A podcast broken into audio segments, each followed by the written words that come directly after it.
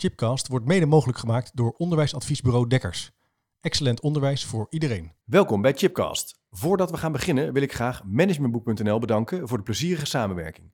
Managementboek.nl is al jaren dé plek waar ik mijn vakliteratuur bestel. En we zijn in het kader van Chipcast een leuke samenwerking gestart. Op www.managementboek.nl slash chipcast vind je een overzicht van de boeken die de revue passeren in de Chipcast afleveringen. Neem dus snel een kijkje op www.managementboek.nl slash chipcast.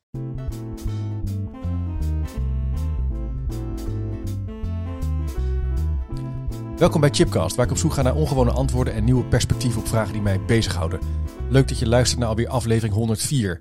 En in deze podcast kan je gaan luisteren naar een gesprek tussen André de Waal en mijzelf. André de Waal is management consultant, wetenschapper, doet al jarenlang onderzoek naar high performance organizations. Wat zijn nou eigenlijk goed presterende bedrijven? Wat doen die dan eigenlijk? Wat zijn de kenmerken daarvan? Hoe kan je dat vertalen naar de dagelijkse praktijk? Doet hij onderzoek naar, hij schrijft erover, geeft er les over. Uh, kwam ooit tegen, ja, al meer dan 15 jaar geleden toen ik studeerde. Ik heb hem altijd gevolgd en we hebben altijd wel contact uh, onderhouden. Hij heeft een heel leuk boek geschreven, De Vijf Principes van High Performance Leiderschap. En daar gaat het over hebben, over leiderschap en wat dat nou eigenlijk is. En hoe je nou eigenlijk ja, leiding kan geven om zo'n high performance organisatie, organisatie te bereiken. En het gaat niet alleen over geld verdienen. Het gaat ook over je cliënt, klant, student, leerling centraal stellen. Over de werkprocessen optimaliseren. En dat is buitengewoon interessant. Nou, ik hoop ook uh, dat het goed met je gaat als luisteraar in deze lockdown um, met avondklok. Het is hier thuis een hele tour om uh, het uh, allemaal te organiseren met nou, drukke agenda's, online meetings van, van de kinderen. Um, maar ook alweer gezellig aan de andere kant. Er is wel licht aan het eind van de tunnel. Het grappige is wel dat de podcast door het dak gaat. Volgens mij hebben heel veel mensen wel weer meer tijd om ja, te luisteren naar een gesprek of te kijken op YouTube.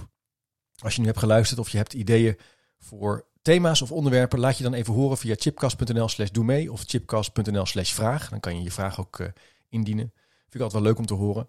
Um, er komen mooie thema's aan in de aankomende maanden. Zo ga ik met onderwijsadviesbureau Dekkers op onderzoek naar ROC's die werken aan organisatieverbetering, onderwijsverbetering. Het gaat over examineren, over toetsen, over simuleren en hoe je simulaties kan uh, examineren, maar ook over gepersonaliseerd onderwijs. En wat dat nou eigenlijk is in het beroepsonderwijs, dus niet in het VO of PO.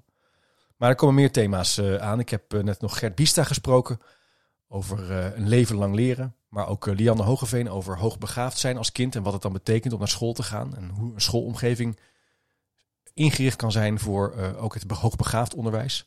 Kortom, leuke thema's. Ik hoop dat je met plezier luistert en ehm, tot de volgende keer maar weer. André, welkom in de uitzending. Ontzettend leuk dat je er bent. Dankjewel. we zien elkaar niet live, maar op afstand. ja, dat is in deze tijd niet anders.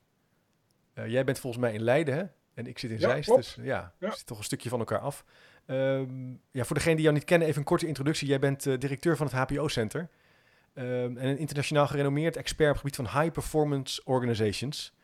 Je hebt er ontzettend veel boeken over geschreven, heel veel onderzoek naar gedaan. Het gaat eigenlijk over de vraag van hoe maak je van je bedrijf of van je onderneming een toporganisatie? En hoe bouw je dus aan een high performance organisatie, cultuur, werkomgeving? Um, het leuke is dat wij elkaar voor het eerst hebben leren kennen. Ik in de collegebanken, toen jij aan de Vrije Universiteit bij uh, het masterprogramma bedrijfskunde een, uh, een hoorcollege gaf. En, ja, dan uh, kunnen we er nu gelijk een leeftijd op plakken, denk ik. Hè? dat zal ik niet doen. maar ik weet wel dat ik dat een van de leukste colleges vond uit mijn studietijd. Samen met die van, van Bart Bossink onder andere. Omdat Mooi. je, ja, dat was heel leuk. Je gebruikt, je gebruikt ontzettend veel praktijkvoorbeelden. Je komt overal in heel veel bedrijven over de Ja. hele wereld. Dus ik vind het heel gaaf dat je tijd wil nemen om hierover over in gesprek te gaan. Het boek wat je hebt geschreven, uh, ik ga het even laten zien. Ik zal het ook even de link plaatsen op de website. Is de vijf principes van high performance leiderschap. Uh, en dat vind ik eigenlijk heel erg interessant, want je legt nu ook heel expliciet de relatie met de manager, de leider. Ja, en klopt. wat hij moet doen om, om, om ja, een mooi en, en gezond en sterk bedrijf uh, te bouwen. Ja. Ja. Ja, als, als, ik, als ik heel precies ben, gaat het boek over het leiderschap wat je moet tonen om je organisatie naar een HPO te brengen. Ja, ja.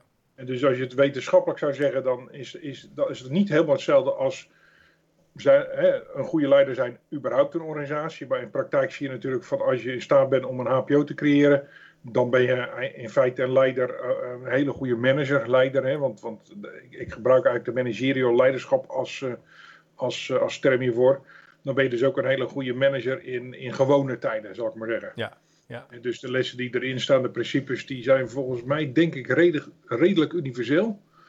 Maar ja, als academicus, part-time academisch, moet je altijd een beetje oppassen. Nee, heel goed, maar dat precisie is ook fijn. Dan, dan weten we ook, uh, dus je wilde ook naartoe werken. Wat moet je dan doen? En daar, daar, daar gaan we over in gesprek. Um, ik wilde eigenlijk even terug naar dat raamwerk. Want dat, dat, dat raamwerk, dat, dat, dat is al, ja, daar ben je al jaren mee bezig. Ja, uh, ja. Kan je daar iets om het even te introduceren, dat high performance raamwerk? Wat is dat voor degene die nu denkt, ik heb er wel eens van gehoord, maar help me heel even. Nou, met een, een, klein beetje historie dan erbij, daar, daar, hebben we denk ik wel de tijd voor. Is, is dit een, uh, een onderzoek wat ik vlak, uh, eigenlijk een jaar na mijn promotie uh, ben begonnen. Ik ben in 2002 gepromoveerd op de gedragsfactoren van, van prestatiemanagement. Ja. Waardoor ik dus meer eh, als, als chemicus moet je nagaan, eindelijk eens een keer wat meer aandacht kreeg voor, voor de mens. En, en, en, uh, maar ook een nieuwe blik ont, ontwikkelde, hè, de wetenschappelijke blik. Hè. En de wetenschappelijke blik is eigenlijk vooral de, de onderzoekende blik van ja, nou, dat wordt nou wel beweerd, maar klopt dat nou eigenlijk allemaal wel? Ja. En um, ja, op een of andere manier kwam ik weer terug op het, op het onderwerp hoogpresterende organisaties. Dat was ooit het eerste boek wat ik voor mijn MBA in, in Boston toen de tijd moest, moest lezen in 1982. In Search of Excellence van Peters en Waterman. Inmiddels ruim door de mand gevallen omdat het niet erg wetenschappelijk was. Maar ook dingen als, als Jim Collins en, en ook nog wel andere consorten hadden eigenlijk hetzelfde euvel. En toen de tijd gewoon puur, ja, ik zeg altijd maar, eh, misschien als een halve grap, want ik denk dat er ook wel wat waarheid in zijn, zit mijn vrouw die zei van, je bent nu klaar met je promotie, zoek alsjeblieft een andere hobby. nou, dat, dat werd deze dus. Ja. Uh, en zo is het ook echt begonnen, gewoon pure nieuwsgierigheid van, joh, uh, als dat hele HPO-gebeuren zo slecht onderzocht is, uh, kan ik dan met mijn nieuw verworven wetenschappelijke blik, maar ook altijd praktisch zijnde natuurlijk, ehm, kijken of dat niet beter kan. En ehm, nou, dat heeft in feite een jaar of vijf gevergd veel, veel, veel desk research eerst. veel gewoon boeken doorlezen en onderzoeken doorspitten ja. op, op kenmerken. Ehm, daar op een gegeven moment op bepaalde manieren dat, dat gereduceerd. Een, een eerste raamwerk gekregen. Dat in de praktijk getest. Eigenlijk ook nog eens een keer uh, een aantal jaren. En, en toen had je, had je het eigenlijk wetenschappelijk gevalideerde raamwerk. En wat wel, in, wel belangrijk is om te zeggen ik zei het, is, het, moet, het moest altijd praktisch um, uh, bereikbaar zijn. Hè? Want, want, in feite ben ik, ik, ik, ben eigenlijk meer een praktijkman dan een academicus wat dat ja. betreft. Uh, altijd, altijd organisatie geholpen, uh, um, proberen beter te worden. En het HPO-raamwerk was echt bedoeld, niet zozeer per se van, nou je moest luisteren, jij moet een HPO worden of zo. Want, want hoezo, hoezo moet ik wat? Zeker als Hollanders, hoezo moet ik wat? Ja. Nee, maar het was meer het idee van, moest kijken, hè, als, als je hoogpresterend wil worden, zijn dit dus kenmerken waar je aan zou moeten werken. En dat, dat, dat ga je gewoon omhoog brengen. En, en Ja. of je nou ooit een HPO wordt, is misschien wat minder belangrijk. Als je maar elk jaar terug kan kijken en zeggen van, nou, verdikken, we staan er toch dit jaar alweer een stukje beter voor dan vorig jaar. Ja. En als je dat maar lang genoeg volhoudt, dan kom je vanzelf wel in die, in die hoogste regionen terecht. Het zijn ook eigenlijk in die zin ook bouwstenen die je kunt gebruiken als van wat weten we nou eigenlijk uit de wetenschap en uit de praktijk waar je op kan inzetten als je beter wil worden. Hè? Ja. Dat vind ik er ook. Ja. wel- er zijn een aantal dingen die we denken die waar zijn, die misschien helemaal niet zo evident eh, relatie hebben met beter presteren. Maar in, in jouw onderzoek kom je, ben je er wel achter gekomen dat er een aantal van die variabelen echt uit verschil maken. Ja, Ja. ja. en, en eh, op zich is het wel, wel interessant wat je zegt. Hè. Ehm, een aantal die, die, waarvan we dachten dat die belangrijk zijn, blijken minder belangrijk te zijn. Als je weet dat uit mijn oorspronkelijke literatuuronderzoek kwamen er 189 zaken naar voren. En dus dat hebben de voorgangers hebben dat gevonden, 189, wat een verschrikking. En uiteindelijk zijn er dus 35 overgebleven. En, en daar zijn er dus ook aardig wat gesneuveld. Ja. En ehm, dat was natuurlijk in het begin ook nog wel eens een keer zo. Van, bijvoorbeeld een mooi voorbeeld, IT staat dus niet, het gebruik van IT staat niet bij de 35. Ja, en toen maakten we nog gouden vergissing. Oh, dus dat is niet belangrijk. Nee, dat heb ik nooit gezegd. Het onderzoek laat zien, dat is niet onderscheidend om HPO te worden. Nee. Maar dat wil niet zeggen dat het, belangrijk, dat niet belangrijk is. Dus, dus je hebt in feite nu een soort een categorie naast die HPO-factoren en kenmerken heb je ook iets wat ik noem hygiëne-kenmerken. Ja. Dat zijn dingen die moeten in orde zijn, want anders kan je überhaupt niet beginnen aan, aan hoog presteren. Nee. En dan is IT is er een hele goede voor. Ehm, een andere is bijvoorbeeld, eh, misschien in de westerse wereld wat minder belangrijk, maar zeker natuurlijk in ontwikkelingslanden, is een fatsoenlijk salaris. Ja. als jij werknemers hebt die twee, drie banen nodig hebben om de eindjes aan elkaar te knopen, ja, die hebben echt geen energie meer om aan, aan high performance te gaan werken. Maar hè, geef je ze een goed salaris, kijk maar even hier in Nederland, meestal, toch, toch de meeste hebben wel een aardig salaris. Nou, zijn wij omringd door HPO's? Dacht het niet. Nee. dus dus daar, zit, daar zit eh, eventjes wel een verschil tussen, tussen. Sommige dingen zijn echt helemaal niet belangrijk. Som, uh, sommige dingen zijn belangrijk, maar als hygiëne.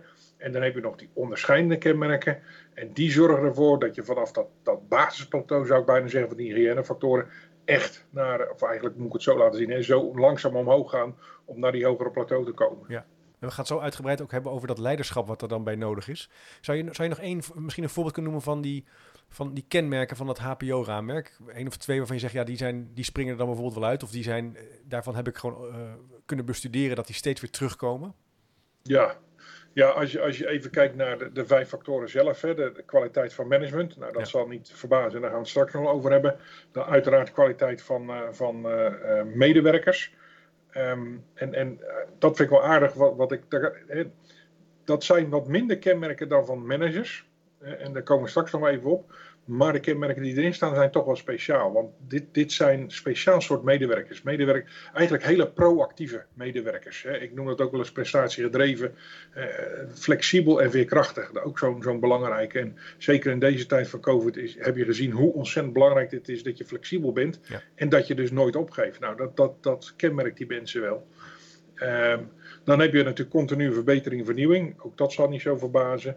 Uh, openheid en, en actiegerichtheid. Nou, daar zit ook een hele belangrijke in, want dat bleek dat, dat dialoog is daar een ongelooflijk belangrijk kenmerk. En niet communicatie, maar dialoog.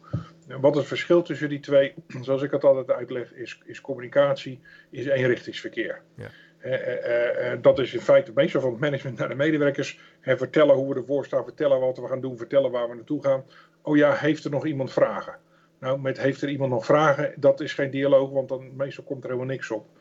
Dialogen zegt bij elkaar zitten, ik ben echt geïnteresseerd in jouw ideeën, in jouw, jouw problemen, jouw whatever. 1 plus 1 is 3. En uh, als een terzijde, uh, een van de onderzoeken die ik, die ik ook heb gedaan langjarig, was om te kijken wat zijn nou de, de, de meest effectieve interventies als je een HPO wil creëren. Nou, met nummer 1, vlag en wimpel, stond het, het creëren, het, het, het, het maken van dialoogplatformen. Ja. En, en, gewoon de, en dialoogplatformen zijn gelegenheden scheppen dat mensen met elkaar in gesprek kunnen gaan. Ja. Nou, en, en, dat hebben we hier nu bij COVID ook gezien. De organisaties die er best doorheen zijn gekomen, over het algemeen even afgezien van het feit dat degenen die echt zich hadden voorbereid helemaal er doorheen kwamen. Maar de andere organisaties hebben hun, in eerste instantie hun communicatie enorm opgeschroefd. En daarna op een gegeven moment gezegd van nou, communicatie, ik moet echt met mijn mensen, ook hier virtueel, gewoon met elkaar in gesprek. Dus dat was een, een hele mooie belangrijk punt natuurlijk. Want het, je zou kunnen zeggen, de dialoog gaat ook echt uit van nieuwsgierigheid, willen weten wat de ander drijft, waar die tegenaan loopt in die praktijk, hoe je als manager kan helpen. Dat is dus een tweerichtingsverkeer. Uh, en dat is dus niet inderdaad een nieuwsbrief rondsturen. En, uh, nee, nee er zit een wereldbeeld achter. En dat wereldbeeld hm. is, hm. ik weet het niet altijd beter. Hm. Hè? Chip, ik wil van jou ook weten wat je... Sterker nog, ik moet van jou weten wat het is. Want uh, niet alleen soms weet ik het überhaupt niet... Maar zelfs als ik het weet, misschien alleen al door het feit wat jij zegt, kom ik erachter. Hm, misschien niet zo'n goed idee. Of inderdaad, het mooiste, hè? 1 plus 1 is 3. En dat is een wereldbeeld hoe je ook als manager en sowieso als persoon kijkt naar andere mensen toe. Ja. Zijn, zijn, zijn die waardevol? Die zijn hartstikke waardevol. Ze kunnen altijd wat bijdragen. Als je er niet om vraagt, dan komt het ook niet, hè? Nee. En dan, eh, dan heb je nog even terug op je oorspronkelijke vraag. Ja, korte vraag, lang antwoord. Zo werkt dat. Nee, heel goed, dat mag. Dat kan hier in de podcast, dus dat is prima. dat is de lange termijn oriëntatie. Dat is de, de vijfde factor. En dat is mijn persoonlijke uh, favorite, mag ik wel zeggen. Want, want die, die vliegt natuurlijk recht tegen wat we de laatste jaren hebben gezien. Uh, uh, eigenlijk de laatste decennia. niet het korte termijn gewit is belangrijk, maar de lange termijn overleving van een organisatie. en dat, dat, dat um, en, en waar BIN centraal staat, die cliënt staat altijd op nummer 1. Ja. Eh, ook weer even terzijde, daar staat niet de cliënt heeft altijd gelijk, want dat is, dat is niet zo. Nee, wat het betekent is, bij elke beslissing die ik neem, denk ik eerst aan wat heeft de cliënt daaraan. Nou, als je zo'n houding hebt, dan wordt het heel leuk om, naar, uh, om, naar, uh, om je heen te kijken. Bijvoorbeeld organisaties, met name multinationals, die aandelen inkopen, een eigen aandeling terugkopen. Vertel mij eens, wat heeft een cliënt daaraan? De shareholder, ja, maar dat is niet de cliënt. Dat is een heel interessante. Ja. Dus het moet, dat moet je gewoon, gewoon drijven. En eh, daarom, daarom, is het HPO-raamwerk natuurlijk ook bij uitstek geschikt voor, voor, voor inderdaad gezondheidszorg, onderwijs en ook overheid. Want daar zit die lange termijn in feite al, al ingebakken. Ja. Bij, ik, ik vat dat wel eens samen, en dat geldt eigenlijk dan voor de hele HPO natuurlijk. Die zeggen van joh, in elke interactie die wij hebben met een stakeholder. Hè, een stakeholder, iemand die, die gewoon geïnteresseerd is in mijn partij, die, die, sorry, mijn organisatie, die daardoor wordt aangeraakt. In elke interactie moeten wij waarde toevoegen. Ja. En als wij waarde toevoegen, dus als mensen blij worden, want dat, dat is gewoon heel eenvoudig even vertalen, blij worden. Als mensen blij worden, dan is het toch alleen maar logisch dat je dus zo lang mogelijk blijft bestaan. Om zoveel mogelijk mensen zo mooi mogelijk en blij te maken. Dat, dat is eigenlijk, mijn stem slaat er van over van enthousiasme.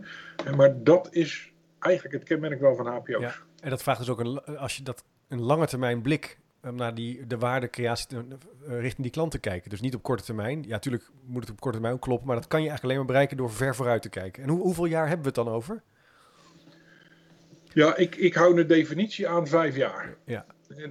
Als je het vijf jaar volhoudt, uh, dat je het echt, echt hartstikke goed doet, en, uh, beter ook nog dan je, dan je vergelijkbare organisatie zit je helemaal goed, dan ben je wel een, een HPO. Over die afstand moet je ook wel kijken. Ja, kan dat wel, kan dat niet? Hè? Covid, wie had Covid zien aankomen? Nou ja, je had pande pandemieën wel aan, aan, kunnen zien komen. Uh, je kan best vijf jaar. We vragen hier niet om een hele accurate. Nee. Maar we vragen wel om, denk er nou gewoon over na bij elke beslissing die je neemt. Wat voor effect gaat dat hebben? Hè? Op wie? Ja. En, en dan hangt af, dat kan, dat kan een maand zijn, dat kan een half jaar zijn, maar dat kan zeker bij investeringen natuurlijk nog veel langer zijn. Ja. Maar ik kan me ook voorstellen dat, dat, dit ook, dat die lange termijn ook geldt als je het hebt over verbeterplannen of verandermanagement, dat je daarin ook durft op de lange termijn te kijken. Wat, je natuurlijk, wat ik wel veel tegenkom in, in onderwijs, maar ook in zorginstellingen, dat we hebben wel een soort lange termijn verhaal. Dat is een beetje de, de eerste twee slides en dat vaak. En daarna moet er wel binnen een kwartaal echt iets gebeuren. Wat dan vaak niet lukt, omdat dingen tijd nodig hebben. En dan worden we heel nerveus. Dan gaan we nog meer trekken en sleuren en dan stagneert iets. Dat... Dit, dat, dat, is ook weer een goed punt, Chip. Um, een van de dingen die ik de, eigenlijk de laatste tijd steeds meer ben gaan zeggen tegen, tegen de organisaties waar, waar ik dan zeg maar een diagnose doe en, en, en dus ook een beetje coach van afstand. Ja. Ik zeg altijd, moet je luisteren, er zit geen einddatum op HPO. Nee. sowieso niet. Als je HPO wordt, dan blijft het hopelijk. Dus daar zit al geen einddatum aan. Maar ook gewoon die transformatie. Er is niemand die zegt, het moet op 1 januari 2025 klaar zijn. Wel, nee, hoe cares? misschien doe jij het in twee jaar, misschien doe jij het wel in zes of zeven jaar. Maakt niet uit. Nee. Wederom, als je maar terug kan kijken en zeggen van joh, we staan er beter voor. Ja. Eh, eh, ik heb bijvoorbeeld nu, nu, een organisatie, die vind ik echt gaaf, die, die gaat zijn zesde jaar in. Nou, dan kan je zeggen, zes jaar, jongen, jongen, duurt het lang. Nou ja, er is van alles gebeurd de laatste zes jaar.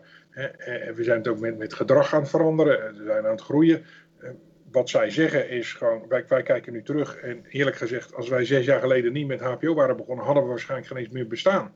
Dat kun je nagaan, nou, ja. Dat is toch alleen al genoeg reden om het, om het niet alleen te doen, maar om het, om het gewoon vol te houden. En daar geven ze complimenten voor. Ik zeg, kijk, dat is nou die, die volharding, hè, flexibiliteit en volharding. Dat is resilience in het, in het Engels zo mooi gezegd. Gewoon, gewoon niet opgeven. En het echt, echt een manier van, van denken maken en daarna een manier van werken. Het is ook een filosofie in zekere zin. Het is veel meer dan een, dan een management eh, eh, systeem.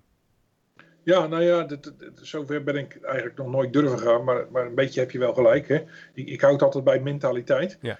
Maar uh, ik denk dat je langzamerhand wel, als ik het ook over wereldbeeld heb, dat je er ook wel over filosofie kan, uh, kan, kan ja, praten. Ja, dus niet in de, misschien niet in de, in de, in de cognitieve kennistheorie uh, zin, maar ik moet denken aan een gesprek wat ik had met een, een schoolleider in Amsterdam, Eva Nijkens. Eh, die een best wel goed presterende school heeft. En die zegt bijvoorbeeld als metafoor, zegt zij, ja, onderwijsverbetering is geen sprintje, maar is een marathon.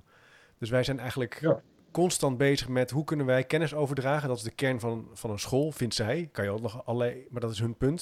Zou ik het ook wel mee eens zijn. Richting die leerling.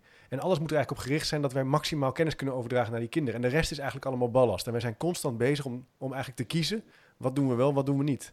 En dat is in zekere zin wel een filosofie aan het worden in die school. En daardoor wordt het ook zo sterk op een gegeven moment.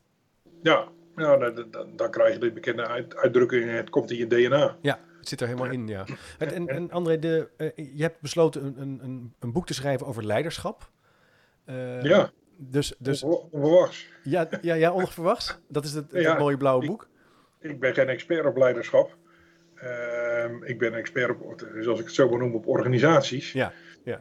maar ehm, kijk, als je, als je terugkijkt, we zijn nu, nu zo'n 15 jaar zijn we hiermee bezig. Ehm, en in die 15 jaar heb ik ook heel veel case studies, ook wetenschappelijk, heb ik ze, heb ik ze vastgelegd en ook gepubliceerd. En op een gegeven moment uh, begon eigenlijk om, om, om weer eens een keer het net op te halen om te kijken van joh, wat, wat hebben die organisaties, ja, als je naar kijkt, lang, longitudinaal onderzoek, hè, meerjarig onderzoek, ja. Eh, wat hebben die organisaties nou eigenlijk gepresteerd? Wat hebben ze eruit gehaald? Wat hebben ze eraan gehad? En, en, en het boek staat daar ook een mooi overzicht van. Maar dan, viel het, dan komt eigenlijk heel snel al de vraag, maar hoe hebben ze dat dan gedaan? want, want ja, de raamwerk, natuurlijk hetzelfde voor, voor iedereen. En, en, en vaak HBO-coaches gebruiken, dat doet ook bijna iedereen, niet allemaal, maar bijna iedereen. Bij sommigen ben ik betrokken geweest, anderen niet. Ehm, maar dan denk je toch eigenlijk, is, zit er nog een, rode lijn in? Zeker als je ook weet dat managers, hè, want, want dat is natuurlijk een, even een ander, ander zijstukje even, kunnen we misschien zo nog wel even op komen. Managers zijn die nou wel of niet belangrijk? Nou, de wetenschap laat zien, die zijn absoluut belangrijk voor het succes van de organisatie. nou, voegt die eens bij elkaar samen en toen kwam eigenlijk de vraag vanzelf op, ja, wat hebben die managers dan eigenlijk gedaan? En is daar nou een rode draad uit, uit te vinden? En dat bleek ja. En toen dacht ik, ja, dat is dusdanig belangrijk dat moet ik gewoon vastleggen. Hè? Want voor elke organisatie die begint met een transformatie, heeft hiermee te maken. Nou, wat is dan mooier om in ieder geval weer die, die kennis aan te kunnen reiken. En zonder dat ik ga zeggen van, joh, ik ben nou een leiderschapsexpert of leiderschapsgoer of zoiets. Nee, zeker niet. Maar dit heb ik allemaal gezien. En, en nogmaals wetenschappelijk uh, vastgelegd. Dus in feite ook weer wetenschappelijk neergelegd. Als, je, als, je, als je dit soort gedrag gaat vertonen, die managerial leider wordt ja, dan heb je dus de grootste kans om een HPO te creëren en in stand te houden. Ja, duidelijk. Ik wil het ook graag met je gaan hebben over die vijf, je zou kunnen zeggen, uh, uh, kenmerken van die leider. Maar nog even daarvoor, in, uh, als opmaat daar naartoe. Um, managers staan ook wel een beetje in een soort kwaad daglicht hè, vandaag de dag. In de zin van, en soms doe ik daar misschien ook wel over aan mee. Zo van, ja, management, ja, hebben we dat nou wel nodig? Weet je wel, kunnen we niet, kan niet de professional zelf gewoon zijn werk doen? Um, en dat herinner ik me nog aan de college die jij gaf. Jij zegt, ja, ze maken wel degelijk verschil. Eh, hoe kijk jij naar die discussie? Want die is misschien in Nederland die is best wel gaande hè? over zelfsturende teams, um, het Rijnlands denken, uh, waarin we ook wat weg willen bewegen van het idee dat een ander man, dat iemand anders jouw werk gaat managen. Hoe zie jij dat? Want jij komt ook in, op allerlei plekken over de wereld, dus je hebt daar misschien ook wel een soort duiding bij. Ja, eigenlijk een hele, hele korte duiding, Chip. Oké. Um, want, want ik, ik gebruik de uitspraak: uh, we moeten niet minder managers hebben, we moeten meer goede managers, of liever, liever gezegd excellente managers hebben. Daar gaat het om. Ja. Uh, waarom, waarom hebben managers zo op een uh, falie gekregen? Is omdat er natuurlijk gewoon heel veel slechte managers zijn. Hm. En, en uh, overigens dat niet zelden slechte mensen. Hè? Dat, we hebben het nu gewoon over hoe ze zich ja, gedragen. Ja, ja, precies. Ja, ja. En, en dat is belangrijk. Wat je gewoon in veel organisaties ziet is wat ik het laboratoriumsyndroom noem. op het moment gaat, gaat het hoofd van het laboratorium gaat weg, je hebt een nieuwe nodig. Wie ga je kiezen? Nou, 9 van de 10 keer wordt de beste laborant gekozen. Logisch toch? Ja. ja, maar nou verlies je dus een uitstekende laborant en je moet maar afwachten wat je ervoor terugkrijgt. Waarschijnlijk een hele slechte manager. Waarom? Omdat die vrouw of vent slecht is? Nee, natuurlijk niet. Maar die heeft nooit geleerd om manager te worden. Manager is een vak. Manager is, en, en dat kan je leren. En je, je hebt niks voor niks MBA-schools. Je, je, kan er zelfs in promoveren. Je kan DBA worden. En managers, die, dat moet je leren. Dat is een vak. Dus iemand die, die, die altijd heeft, heeft geleerd om een laborant te zijn, ja, die kan niet zomaar manager maken. En wat dat nog erger is, dan zetten we die persoon er neer en dan zeggen we eigenlijk: succes. Je hebt een promotie gemaakt, krijg wat meer geld. Doe je best, jochie. Ja, ja hallo. En dan kijken we nog op van. Uh, van, hij mislukt dan. Nou, dan zeg ik, hoe dan? Mag vrij duidelijk zijn. Ja. Um, als je dat weet, dat is één, één kant van de zaak. De andere kant van de zaak uh, is dat als je naar de, naar de wetenschap kijkt, is dat er vrij veel bewijs is. En een aantal onderzoeken haal ik ook aan in het boek, waaronder eentje die ik zelf heb, heb, kunnen doen, waarin je heel duidelijk kan laten zien dat dat een hele belangrijke succesfactor, zo niet de belangrijkste, voor het succes van de organisatie de kwaliteit van management is. En, en wat houdt die kwaliteit van management dan in? Zoals ik het wederom weer, ik hou een beetje van one-liners. Wat, wat is een excellente manager? Creëert de condities voor zijn medewerkers om te kunnen excelleren. Ja. Dat is wat zo'n persoon doet. Dus in gesprekken met managers zeg ik ook van joh, la, la, laten we nou even eerlijk wezen, even elkaar in de ogen kijken. Jullie doen eigenlijk helemaal niks. In ieder geval niet het werk. Dat werk, dat doen je medewerkers. Die staan aan de frontlinie, die staan op de werkvloer. Wat jullie moeten doen is te zorgen dat die mensen hun werk zo goed mogelijk kunnen doen. De condities creëren om te excelleren.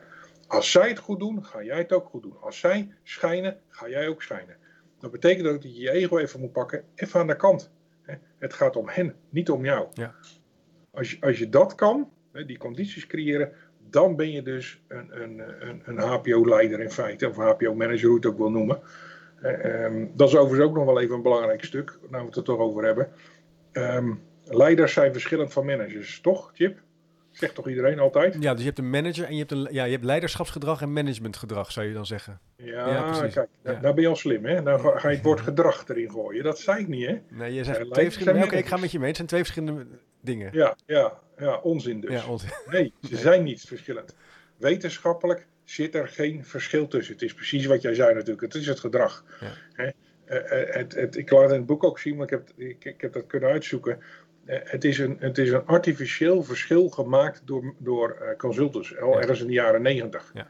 Ja. want dan kan je opeens leiderschapstraining geven enzovoorts. Nee, wat je moet trainen is de leiderschapsrol, de leiderschapsgedragingen de meest effectieve mensen zijn mensen die zowel de leiderschapsrol als de managerial rol kunnen spelen. En daarom noemen ze ook managerial leiders.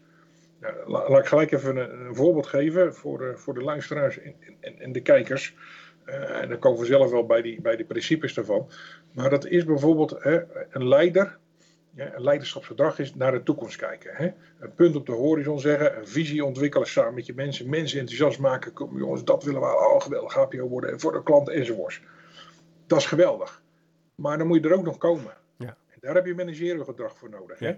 Dat, dat, dat, dat slagvaardige wat je nodig hebt. Hè? Dat, de standvastigheid, de discipline om daar te komen. Nou, wat gebeurt er nou? Dat is, stel dat je eens even zo op, op gelijke hoogte zit. nu zijn we bezig om, om die visie te ontwikkelen. Dus leiderschapsgedrag gaat even omhoog. Dat krijgt gewoon meer nadruk. Nou, daar ben je een tijdje mee bezig. Gaat het weer omlaag? Gaat het managerial gedrag gaat omhoog? Want dan ga je eraan werken. Nou, dan kijk je weer zonder zoveel tijd even terug naar leiderschap. Oh ja, we zijn nog op de goede plek. Moeten we Nou, zo, die afwisseling. En daarom laat ik, het, eh, laat ik ook in de boeken als een plaatje zien met een, met een weegschaal. daar gaat het om. Een beetje dit en een beetje dat. En jij zegt eigenlijk ook terloops van ja, dat hele idee, die aandacht voor leiderschap die er is, dat is, eigenlijk vooral door boekenschrijvers en externe partijen bedacht. Ja. Je zegt het is eigenlijk gewoon een management, managementgedrag. Je kan natuurlijk ook wel als professional leiderschap vertonen als professional. Eh, nee, dan kan je leiderschapsgedrag vertonen. Ja, maar dat is wat anders. Ja, precies. Dat, dat, is zo belangrijk. Ja. dat, want dat is ook het enige wat je kan zien overigens. Hè?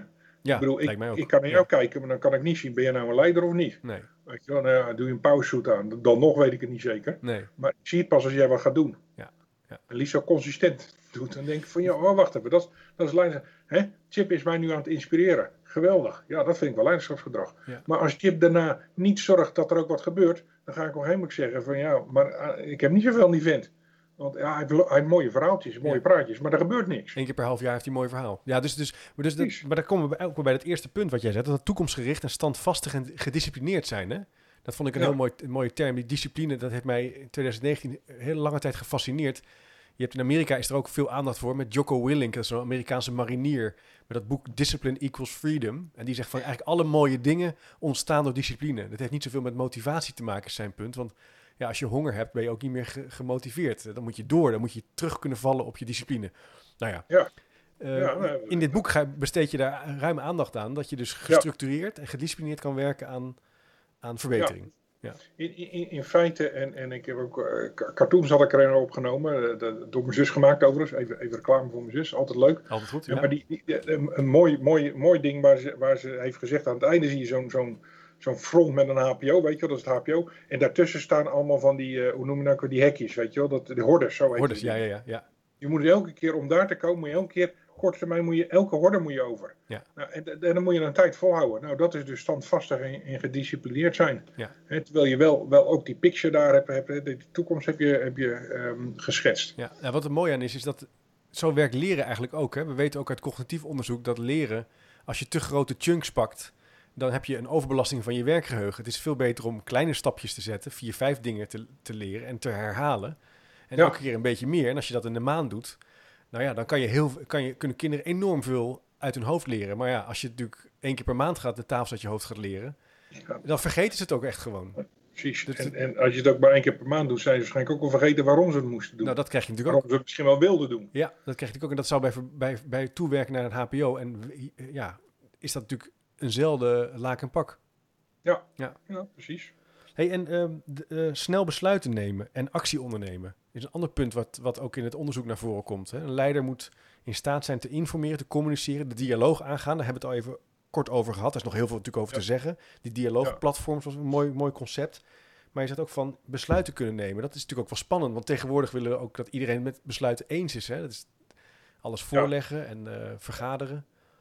Ja, polderen, dat is natuurlijk polderen. ons woord altijd. Hè? Um, maar wat zei onze grote voorganger Rutte nou ergens het begin van de crisis? Je moet 100% van de besluiten nemen met 50% van de informatie. Ja, ja. en dan was je nog positief, denk ik, met 50%. Ja. Maar, maar zo werkt het wel natuurlijk, in, in werkelijkheid ook. Ja, precies. Dus... Ja, wat, wat, je, wat je in feite met dit principe zegt vanuit leiderschap, ja, en je weet als leider, weet je ook niet alles. Je, je, je, moet met mensen zitten om je informatie te krijgen. Nou, daar doe je de dialoog. Dan krijg je ook niet alleen informatie, maar, maar echt meningen en ideeën enzovoorts. Maar wat het niet mag worden, is een Poolse landdag. Nee. En, en dat is natuurlijk waar we in Nederland nog wel eens last, van hebben. Want polder en Poolse landdag begint allemaal met een P. En het geeft allebei, allebei op een gegeven moment een probleem als het te lang doorgaat. Ja. In een HPO zit er ook een duidelijke hiërarchie. Uiteindelijk, die, die manager heeft, heeft, heeft één ding voor op zijn, op, zijn, op, op, op zijn of haar medewerkers. Besluiten kan je nemen. Ja. Maar ja, dat is ook gelijk. Besluiten moet je dus ook blijkbaar nemen. Nou, dus zorg ervoor dat je goed geïnformeerd bent, dat je goed meningen hebt. En nog even neem je gewoon een besluit. En iedereen besnapt ook wat dat besluit dan is. Ja. En, en, en dat ga je gewoon in. Eh, in eh, nou, en het gaat er natuurlijk niet alleen om besluit. Je moet ook dan de actie natuurlijk dan ondernemen. Ja. Ja. ja en, en aardig was vanuit het HPO-onderzoek. had ik al heel veel voorbeelden van, van managers die duidelijk slechte beslissingen namen. Maar liever een slechte beslissing dan geen beslissing we weten met z'n allen nou dan gaan we even terug naar Rutte met 50%. Nou, misschien heb je maar 20% van de informatie. We weten dat we gewoon heel beperkt hebben. Maar wachten, dat grote probleem alleen maar. Laten we gewoon die besluiten nemen. We weten dat het niet het beste besluit is. Maar doordat we hem dan in actie zetten, gaan we leren. Krijgen we feedback, gaan we weer even over hebben. Hè, dialoog, verdraaid, dat leren van. Nu kunnen we een beter besluit nemen. Ja. En dus dat, ook dat actiegerichte zit natuurlijk ook heel erg in een, in een HPO. Dat pro, eigenlijk is het proactief zijn dus daarin. Nou, dat zit niet, dus niet alleen in die HPO, maar dat zit ook dus in de mensen die, die in die HPO werken. Ja, dus, dus in die zin is een, is een besluit ook cruciaal, want daardoor krijg je nieuwe ervaring. En dat is natuurlijk belangrijk voor leren. Je, je hebt een ervaring, je kan erop reflecteren, je kan daarvan leren en weer verbeteren. Een, een besluit moet aanzetten tot actie. Ja. Want dat is natuurlijk ook nog een, een punt. Je, je, moet, je moet een besluit nemen en als, als je het besluit niet doorzet, dan gebeurt er nog niks. Nee. Nee, dat zie je natuurlijk ook wel gebeuren in teams. Dat er wel een besluit wordt genomen, maar dat vervolgens mensen denken, nou oké, prima, um, we wachten het lekker even af tot de volgende vergadering. Nou, wat, wat er misschien ook een probleem is, ik, ik heb net een boek uit, dat, overigens kan ik dat ook aanraden aan iedereen. Ja. Uh, uh, misschien kan je zien, dat heet Lights Out, met, met de subtitel Pride, Delusion and the Fall of General Electric. General Electric, het icoon van het Amerikaanse bedrijfsleven, wat nu op na, nagenoeg op sterven na dood is. Wat een hele interessante vond ik daarin, um, is dat de, de opvolger van, van Immelt, die natuurlijk weer opvolger van Jack Wells was, uh, Flannery heette die, waar die man aan leed, die, die dacht heel goed na. En, en, en die, die won ook heel veel goed, goede informatie in. En dat was echt heel goed. Dat was veel beter. Immelt, Immelt was heel impulsief. Hè? Dit wil ik, gaan we doen. Bekhouden. Mm. Nee, deze man, alles bij me, eigenlijk heel erg goed. Dat leiderschapsgebeuren, het leiderschapsprincipe, ja, informering enzovoorts. En daarna moest hij in actie zetten. En dat lukte hem niet. Hij kwam elke keer weer terug op: ja, nee, maar wacht even. Heb ik dat nou wel? Nee, misschien moet ik nog wat meer. Laat ik nog even wat meer. Ja, en dan gaat het dus niet goed. Hij heeft het ook niet erg lang uitgehouden bij General Electric. Maar dat vond ik zo interessant. Een, een man met heel veel capaciteit, heel veel intelligentie. Deed dat heel goed, die leiderschap. Hè? Dat zat helemaal hier. dat manager, dat kan maar niet van de grond. Ja, en, en uh, hij heeft geloof ik 18 maanden uitgehouden, terwijl de normaliter daar iets van 18 jaar zit als, als CEO. Precies, dus dat balanceren van, van reflecteren, kennis verzamelen, maar ook acties uitzetten, doorgang creëren, dat is eigenlijk een soort heel cruciale vaardigheid. En daar zit dus in feite ook weer durf onder, hè?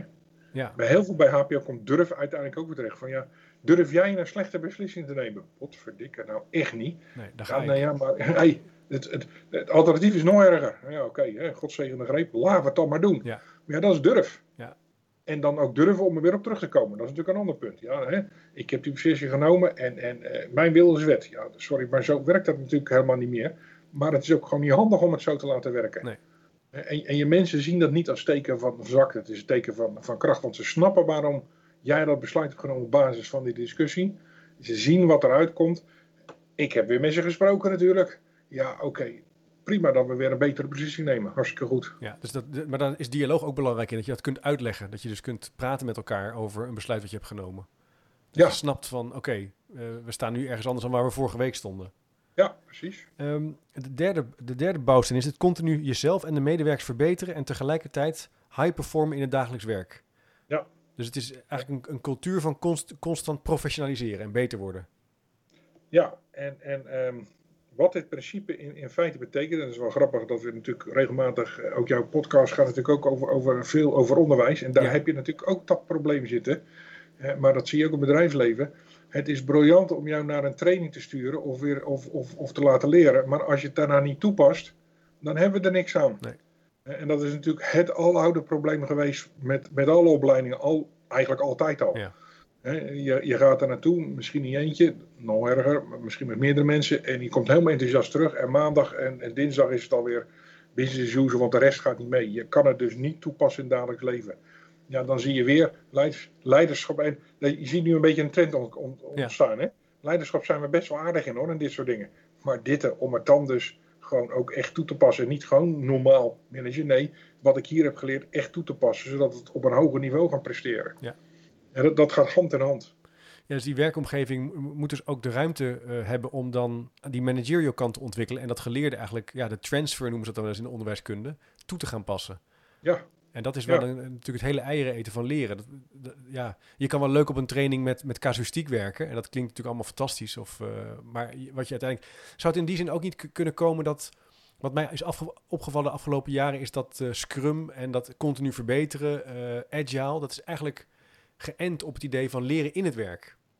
Ja. Dus je bent eigenlijk heel kort, ja, ik zie het nu ook op allerlei plekken. Toevallig op de, het masterprogramma waar ik les geef, daar hebben de, de secretaresses en de ondersteuning hebben ochtends zo'n stand-up van een kwartiertje. En die inventariseren, oké, wat is er aan de hand? Waar loopt het mis? Ja. Wat gaat goed? En die zetten hun acties uit. Die zijn eigenlijk aan het leren in het werk. Ja, en, en, en, en ik bedoel, ik heb ze ook meegemaakt in, in, in, productiebedrijven enzovoorts. Ja, daar komt het natuurlijk vandaan. Ja, ja, ja. ja. Overigens heb ik daar natuurlijk altijd toch weer een klein beetje kanttekening bij. In de zin van het is hartstikke goed om een stand-up te doen. Maar eh, dat is niet alleen maar uitwisselen van wat er gisteren gebeurd is. Hè, Nee. En wat we vandaag gaan doen. Nee.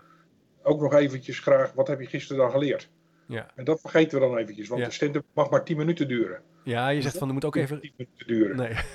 ja, ja. Ja, waarom niet 15 minuten? Kan je nog 5 minuten daaraan besteden. Maar dan, dan gaat hij goed. En gewoon regelmatig aan kijken. Dus ik, ik ben op zich ben ik ook eh, Scrum en, en Agile enzovoorts. Eh dat zijn allemaal technieken waarmee je dit gewoon kan, kan toepassen. Dat is gewoon helemaal prima. Als je die basisgedachte gewoon maar onthoudt van, van hey, wat, wat heb ik geleerd. Eh, en ook op een gegeven moment kan zeggen van joh, ik heb geleerd dat ik er niet genoeg van heb geleerd. Of dat ik er niet genoeg van weet. Nou, Ja. laten we daar dus tijd voor mij vrijmaken. Iemand gaat dat uitzoeken. een conclusie. Ja.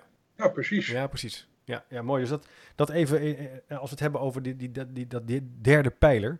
Ehm, die vierde is externe gerichtheid en interne gerichtheid. Dus de leider Ja. moet zowel naar buiten kunnen kijken, of naar buiten kijken en naar binnen kijken. Ja, en, en ehm, ja, dat, dat hebben we nu natuurlijk al heel goed gezien met COVID-19. hè. Dat, dat is een hele goede eh, illustratie ervan. hè. Eh, Oorspronkelijk is hij gericht op het zeggen van, joh, je, je, moet, je moet weten wat er speelt in de wereld uiteraard, maar vooral ook natuurlijk in jouw sector. Wat gebeurt er in jouw bedrijfstak, in je sector waar je zit? Ja. En wat, wat, wat zijn de trends, wat zijn de megatrends, wat, wat zijn de disruptors, wat zijn de ontwikkelingen? Ehm, en die moet je dan kunnen reflecteren op wat, wat, voor, heeft, wat voor betekenis heeft dat nou in jouw organisatie. Ja. En gaat dit effect hebben op jouw organisatie? Ik kan je straks ook nog wel over mijn nieuwsonderzoek daarover vertellen, maar eerst maar even deze. En dus dat, dat is eigenlijk van buiten naar binnen. Tegelijkertijd moet je natuurlijk goed weten wat er binnen in jouw organisatie speelt. En niet alleen om daarop te kunnen reageren, maar stel nou dat er buiten gebeurt er iets. Eh, ik noem maar even, hè. COVID-19 is toch wel een goed, goed voorbeeld. Hè? Want COVID-19 wordt natuurlijk overal gezien als, als, als gewoon heel verschrikkelijk. Ja. En dat is het natuurlijk ook. Maar je weet, er zijn er een, flink aantal, of er zijn een aantal sectoren die er enorm voordeel van hebben. Hè? Denk maar aan, aan, de voedsel en, en, en internetboeren enzovoort. Amazon, ja. En helemaal prima. Ja. Maar die kans die daar werd geboden door COVID-19, moet jouw organisatie wel aankunnen. Jij moet dus wel weten hoe de organisatie ervoor staat. Kunnen we die dingen wel aanpakken? Of, of zijn we er eigenlijk helemaal niet voor, voor uh, geëpikeerd? Heb ik problemen uit de hand laten lopen? dus je moet zowel kijken naar buiten, maar ook naar binnen. En je moet die twee met elkaar kunnen verbinden. Ja, ja. Dus, dus dat betekent als manager dat je ook dus uh, om je heen kijkt, bij, in, in jouw markt rondloopt, daar bent, snapt wat, wat trends en ontwikkelingen zijn en dat als het ware kunt vertalen naar je praktijk en ja. bedrijfsvoering. Ja, één, één, en nu ga ik even, even eh, preken voor eigen parochie, dan over eigen portemonnee. Ja. Wat, wat valt nou zo ontzettend op aan een boel managers? Die houden een vakliteratuur geen eens bij. Nee. En dan heb ik het nog geen eens over, over jou en mijn boeken, hè? Dan heb ik het gewoon ook over, over gewoon de bladen, de, journals enzovoort. Ook niet academisch, gewoon de managerial. Nee. Een, een, van de, een van de dingen die ik ooit heb geleerd, het, en dat is ding nu al, al 25 jaar geleden. En ik, ik mag zijn naam best noemen, want hij was, hij was een kei, Kees, Kees Verijn, CFO van Nutreco. En, en, uh, en ik um, kwam daar bij hem, gewoon voor een interview ooit, een keer voor een onderzoekje wat ik deed. En, en uh, op een of andere manier zag hij blijkbaar wat in hem, een soort, soort, soort peetvader zou ik maar zeggen. Hij zei tegen mij, joh, ik ga jou wat van, van adviezen geven. En een, een van mijn eerste adviezen is, als jij bij een manager binnenkomt, kijk dan rond in zijn kamer. En kijk eens of hij een boekenkast heeft. Ja. En het tweede wat je moet doen is, als je nou even wegloopt naar de wc of zo, of koffie halen, ga naar die boekenkast, haal een boek eruit kijk of het beduimeld is. Als het antwoord op beide nee is, wegwezen. Want dan heb je dus iemand die gewoon zich niet ontwikkelt. Zo. Nou, briljant. Zo. Ik gebruik het nog steeds. Ja. Het, is, het is gewoon, ja, maar ik heb er helemaal niet zoveel tijd voor in. Uh, pardon, het is een essentieel onderdeel, hè, laat ik nu ook wetenschappelijk zien, dat je jezelf blijft ontwikkelen. Ja. Daardoor anderen ook kan ontwikkelen en, en dat dus kan gaan toepassen. Hè. Dat is dat principe 3. Wat je dus in principe 4, die, die combineer je al bij elkaar. Ja, zeker. Ja, dit, is natuurlijk, dit, is, dit speelt in de onderwijswereld ook wel een rol dat uh, we er ook achter komen dat heel veel wetenschappelijke inzichten niet de praktijk of niet de klas raken. Het is Nee. bijvoorbeeld, we weten eigenlijk heel veel over hoe kinderen leren. Daar is ontzettend veel over bekend. Hoe je eh, slim eh, tafels uit je hoofd kan leren, noem maar even een dwarsstraat, of leert schrijven. En wat eigenlijk opvalt is dat heel veel scholen, dat komt ook door de vrijheid van onderwijs. Dat is sowieso een probleem, maar goed, dat is een ander verhaal. Maar dat er ook wel, eh, dat die kennis dus die praktijk niet raakt. En dat dus heel veel leerkrachten daar, eh, maar ook schoolleiders in die zin, niet goed weten hoe ze onderbouwd kunnen werken aan verbetering. En dan kan je, het Nou kan ja. zomaar gebeuren dat je dan dus een jaar met iets bezig bent. eh, Nee, dat klopt. Ja, wat geen effect en, heeft. ik denk dat er, dat er nog een fundamenteler probleem zit in het onderwijs. Als ik, als ik, als ik kijk naar, naar hè, nogmaals, 15, ruim 15 jaar bezig met, met HPO, eh, wereldwijd in heel veel sectoren. Wat is de sector waar het eigenlijk nooit doordringt, is onderwijs. Hm. En, en, en, en waar heeft het mee te maken met een, vind ik, hè, nogmaals, iedereen kan het met me oneens zijn, maar ik vind een fundamentele misvatting dat als je zegt, hè, noem het maar even, hoog presteren in onderwijs is dat mijn leerlingen of dat onze leerlingen ontzettend goed kunnen leren. Nee, dat is maar één onderdeel ervan. Ja. Je moet ook een organisatie hebben gecreëerd waarin die mensen, die leerlingen zo goed kunnen leren. precies. Ja. Dat moet professioneel zijn. Ja. En, en dat, dat dringt blijkbaar, denk ik, niet genoeg door. Want wat nu, dan kom ik weer in, hebben, hebben, hebben we weer eens, en ook mijn collega's ook wel eens, ook weer workshops. En overigens erg leuk, mensen vinden het heel interessant. Maar om dan dus budgetvrij te krijgen en tijd, vooral tijd vrij te krijgen om echt te werken aan de professionalisering van de organisatie. Om die leraren te kunnen ondersteunen, dat, dat, is, dat, dat is er dus niet. Nee. Eh, En, en, en, en het wordt ook, denk ik, vanuit, vanuit de overheid en het ministerie wordt het ook niet echt ondersteund voor zover ik het. En nogmaals, ik ben er ook geen expert in. Ik weet alleen maar, ik kom er even in en dan ga ik weer weg. En, en heel vaak krijg ik het weer terug, ja nee, maar leerlingen in. Eerst. Ja, als je dat even projecteert op een, organisatie in het bedrijfsleven, noem maar even wat. Als ik dat zou zeggen, medewerkers eerst, is hartstikke leuk. Maar als alles om me heen instort. En die managers, dat zijn allemaal half, half zolen, excuse me allemaal, hè, die niet die condities creëren. Dan gaat het toch ook niet worden. Nee, ik denk dat een groot probleem in veel, veel scholen is dat er niet een professionele eh, cultuur is, een high-performance organization waar, waar structureel wordt gewerkt aan verbetering. Je ziet Ja. eigenlijk dat eh, onderwijs heel erg slachtoffer is geworden. Nu, ik hoop dat is wel minder aan het worden, maar van vernieuwing op vernieuwing. En we hebben dat bijvoorbeeld Ja, gezien met de, de 21e eeuwse vaardigheden, dus hele vage, algemene, generieke termen, zoals creativiteit aanleren. Maar ja, creativiteit is geen vak. Als je niet geen kennis hebt, ben je ook niet creatief. Nee, dus het, eh, nee, dat eh, abso- absoluut mee eens. Dus. En, en ik, ik denk ook, hè, je, je moet oppassen, je, je, moet, je moet zeker geen hele bevolkingsgroepen, zou ik maar zeggen, verketteren daarin. Ik denk dat een heleboel ook, ook, ook uh, bestuurders in scholen wel, wel degelijk heel graag hieraan zouden willen werken. Maar ze krijgen gewoon geen tijd. Inderdaad, door al die vernieuwingen die maar, die maar over ons heen worden gestort. Het, het, die, de, de regeldruk, hè? de administratieve last. Waarom? En dan hebben we het weer over een wereldbeeld. Wat, wat is het voor wereldbeeld? Het, is niet, het is geen high-performance wereldbeeld. Ik heb nog nooit een organisatie een HPO zien worden doordat ze gewoon tien rapporten moesten opleveren aan, aan, aan het moederconcern. Echt niet. Gaat niet gebeuren. Nee, dat is ook weer, dat is ook weer onderbouwing om, om goed te kiezen en scherp te zijn in wat je wel en wat je niet doet. Ja, en, en, en als je toezicht hebt, of je bent de eigenaar, wat dan ook, wat je gaat vragen. Ja, ja. Hey, en de laatste, laatste pijler, uh, André, is een creatieve verbeteraar zijn en altijd geïnteresseerd in de feiten. Dat, dat, ik vond dat punt van feiten nog wel interessant. Uh, helemaal vandaag. Je hebt het net zelf gezegd, Chip, als ik je mag onder... onder ja, doe maar. Ja. Ik zei net creativiteit, maar je moet, je moet hem wel weten, je moet wel kennis hebben. Dat is hem. Dat is hem, hè? Dat is hem. Maar het is natuurlijk ook wel vandaag de dag, uh, ja, misschien maak ik het dan te groot, maar feiten, kennis staat ook wel ter discussie. Hè? Wat is nog waar? Hè? Er is natuurlijk uh, fake news, uh, maar ook in, de ook in de bedrijfskunde of in de theorieën over leren en veranderen zijn er, is er, ja, kan je nou, ook alle kanten op. De, kijk, daar zit, ik heb het laatst in de NRC gelezen en daar was ik het helemaal mee eens. Ik denk, verdraaid, dat, zo zit het ook. Men is gaan, gaan kijken naar de wetenschap met, met weer een verkeerde blik. Men denkt, de wetenschap geeft het antwoord. Nou, uh, jij bent ook wetenschapper, hè?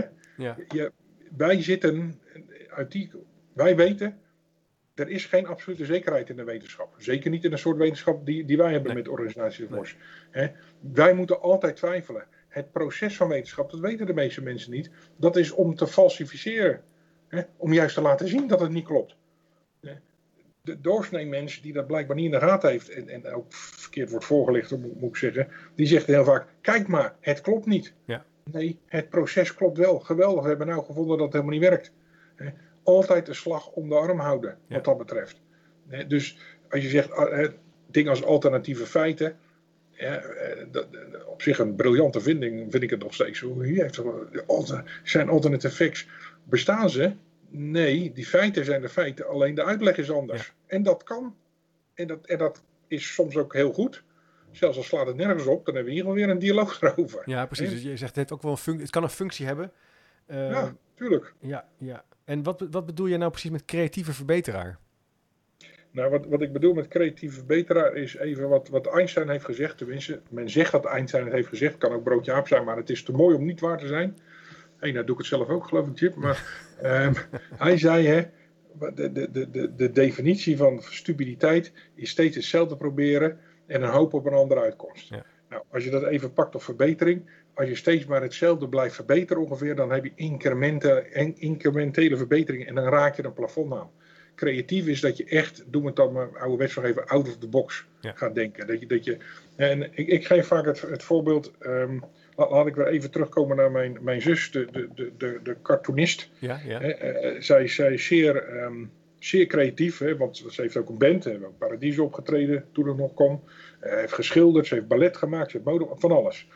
En, en um, als je ziet onze interactie, hè, uh, ik, ben, ik ben een chemicus. Hè, dus een chemicus, dat is heel eenvoudig, die, die kan alleen maar rechtlijnig denken. Hè. A plus B, C, dat, dat is gewoon chemie. Hè. Pak stof A, stof B, de bij elkaar altijd C. Hè en, en, en ik zeg altijd, hoe denkt nou een creatief iemand, een, een, een kunstenaar zoals mijn zus? He, daar is een woord voor en er is een gebaar voor. En beide zijn niet op zijn, dus dat scheelt. ik denk zo, he, rechtdoor voor de mensen die het kunnen zien, gewoon een rechte lijn. Hoe, hoe, denken, hoe denken artiesten die denken zo? Spaghetti denken. zij kan naar een. een, een ik, ik kom soms met een, met een probleem naar haar toe. Dan zeg ik van, joh, dit is een, hier wil ik een, een cartoon over hebben. En, en dan gaat ze daarmee aan het werk enzovoort. En, en, en de meest leuke cartoons, hè, in het boek staan ook wel een paar leuke. Maar dan vraag ik ook vaak, hoe zou jij dit probleem nou oplossen? En, en dan begint ze een verhaal waarbij ze dus zeg maar zo om de hoek kijkt. Ja, ja. ja nee, maar je mag helemaal niet zo om de hoek kijken. Hè? Ik ben zo, hè? dan moet ik hem om... Mag niet. Hoezo mag dat niet, zegt ze dan. Wie zegt dat dat niet mag? Dat geeft je toch een heel ander perspectief. Ja, dat geeft je een heel ander perspectief. Dat is creativiteit. Komt er dan altijd iets goeds uit? Nou, ja, nee. Ja, het is altijd anders. Nee, het hoeft niet per se de oplossing te geven. Maar dat geeft niet. Want misschien krijg ik daar dan wel een, een beter idee door. Ja. En dat is creatieve verbetering. Gewoon probeer nou eens wat anders. Ongewone combinaties maken. En durf ook even andere paden te bewandelen.